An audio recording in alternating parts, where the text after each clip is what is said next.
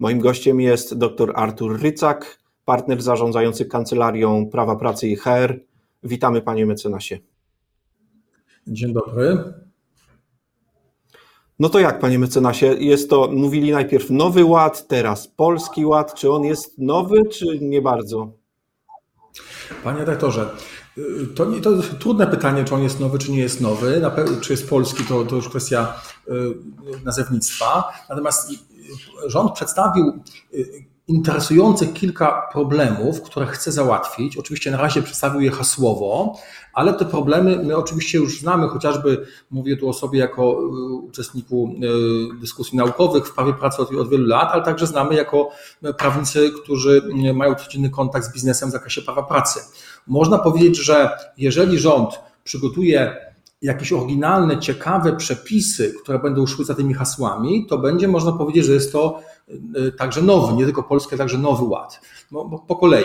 No przede wszystkim rząd mm, mówi tak, że y, my postara się ograniczyć y, problem umów śmieciowych. Nie mówi zlikwidować i słusznie, jak wiele lat temu inna mówiła partia polityczna, tylko mówi, że postara się ten problem jakoś dotknąć. I to jest dobry kierunek w mojej ocenie, dlatego że w wielu krajach Unii Europejskiej, my to też znamy zarówno z naszej praktyki tutaj kancelaryjnej, jak i y, naukowej, ten problem umów śmieciowych w zasadzie nie istnieje i nawet nasi koledzy prawnicy czy koleżanki dziwią się, czemu my taki problem mamy z tymi umowami, chociażby umowami terminowymi, y, nadużywanymi często na rynku. Zatem to jest dobry kierunek, tylko pytanie, jakie za tym pójdą rozwiązania, bo to nie jest takie proste, żeby nagle ograniczyć y, tak zwane umowy śmieciowe. No, mówimy tu oczywiście o umowach o dzieło, umowach zlecenia, umowach terminowych. Takie umowy są jak najbardziej w biznesie potrzebne. To są umowy znane światowi prawniczemu kilka tysięcy lat, choćby umowa o dzieło.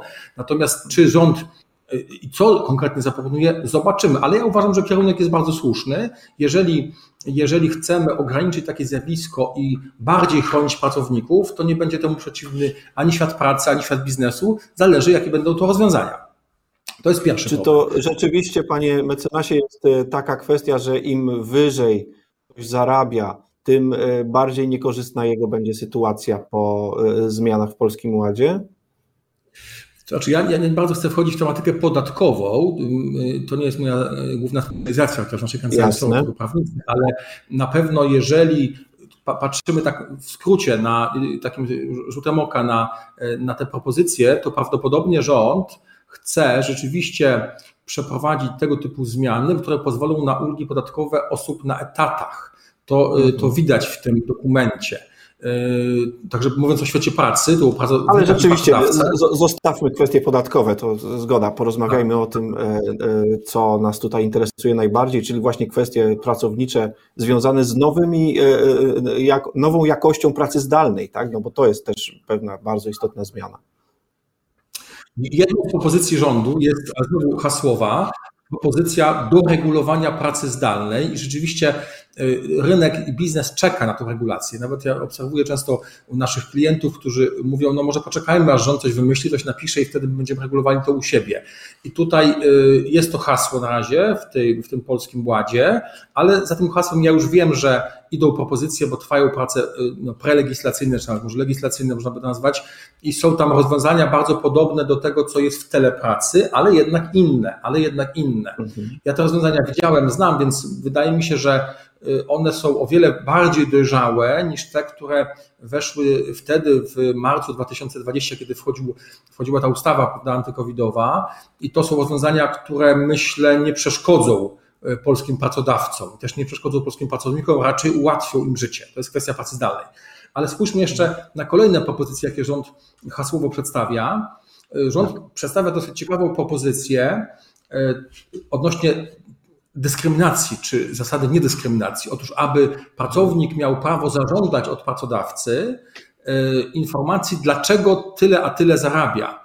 I e, pracodawca, tu akurat nie wiem dlaczego duży pracodawca, rząd ma koncepcję co do y, wprowadzenia tego obowiązku do dużych pracodawców. Wydaje się, że jednak to powinno dotyczyć każdego pracodawcy, a nie tylko dużego.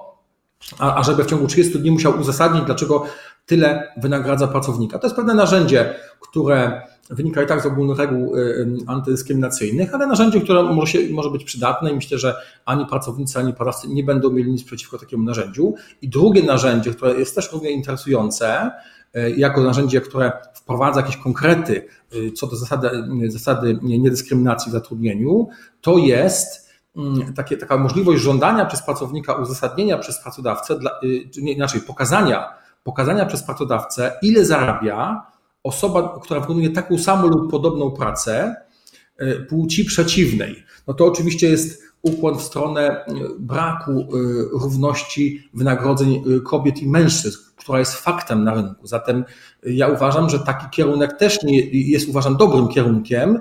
To jest oczywiście pewne konkretne narzędzie. Pytanie, czy takie bardzo konkretne narzędzia warto wpisywać jako przepis do kodeksu pracy. No bo no można właśnie. byłoby. Jak pan myśli? Takich narzędzi wiele w moim odczuciu raczej nie, dlatego że kodeks pracy to jest pewna, jednak pewna ogólna ustawa dla pracowników i pracodawców i takie, takie narzędziowe jego traktowanie może się skończyć tym, że za kilka lat będziemy już nie 300, ale 2000 przepisów, więc wydaje mi się, że narzędzia są gdzieś, gdzieś indziej, nie powinny być w samym kodeksie pracy. Y, to jest moje, moje, moje zdanie, ale ja nie wiem też, czy rząd planuje akurat znowelizować kodeks pracy w tym kierunku, tak? No bo mamy cały wielki rozdział dotyczący zakazu dyskryminacji w zatrudnieniu. On obowiązuje wiele, wiele lat, jeszcze od nowelizacji europejskiej 2004 rok. Zatem mamy wiele, wiele lat, które, które w czasie którego się ukształtowała praktyka na rynku, bardzo, bardzo obszerne orzecznictwo i, i obecnie świat pracy mniej więcej wie, co to jest reguła y, zakazu dyskryminacji. Narzędziowo oczywiście pewnie by, pewnie może bardziej nawet to się by przydało związkom zawodowym, które by chciały takie narzędzie otrzymać, aniżeli pracownikom, bo, bo tu często związki chcą, chcą sprawdzić y, pracodawców, czy rzeczywiście nie ma dyskryminacji płacowej i trochę można powiedzieć, że faktycznie narzędzi mają mało, ale to jest kwestia praktyki, y, tego czy dany pracodawca chce być w dialogu, w fajnym dialogu społecznym ze stroną społeczną. Jeżeli chce być, to takie dane da. Jeżeli nie chce być, to myślę, myślę że inne narzędzia mogą mnie zmusić. No i Mamy to jest oczywiście jakiś kłopot. I, i, I, powiedzmy na koniec o, o, o, tym właśnie, e, który sobie zostawiliśmy tutaj na ostatnie zdanie. I jeszcze jeden, jeden postulat e, ułatwień e, dla osób pracujących w niepełnym wymiarze. Tu rzeczywiście to, no, polityka work-life balance znana w Unii Europejskiej od wielu, wielu lat, ona ma, wszędzie ma pewne luki, wszędzie ma pewne jakieś, jakieś potrzeby kolejnych narzędzi i to idzie w tym kierunku, w którym Europa no już od wielu, wielu lat postuluje tą politykę godzenia życia rodzinnego z zawodowym, czyli tak zwany work-life balance i to jest jeden z elementów tego, tej polityki. I na szczęście, że i to, o tym pomyślano, bo to jest, jak wiemy, po takim roku ponad już pandemii bardzo istotne w życiu każdego pracownika. Dr Artur Rycak, partner zarządzający Kancelarią Prawa Pracy i HR Rycak, był dzisiaj naszym gościem. Dzięki za tą rozmowę. Kłaniam się. Dziękuję bardzo. Do widzenia. Dziękuję.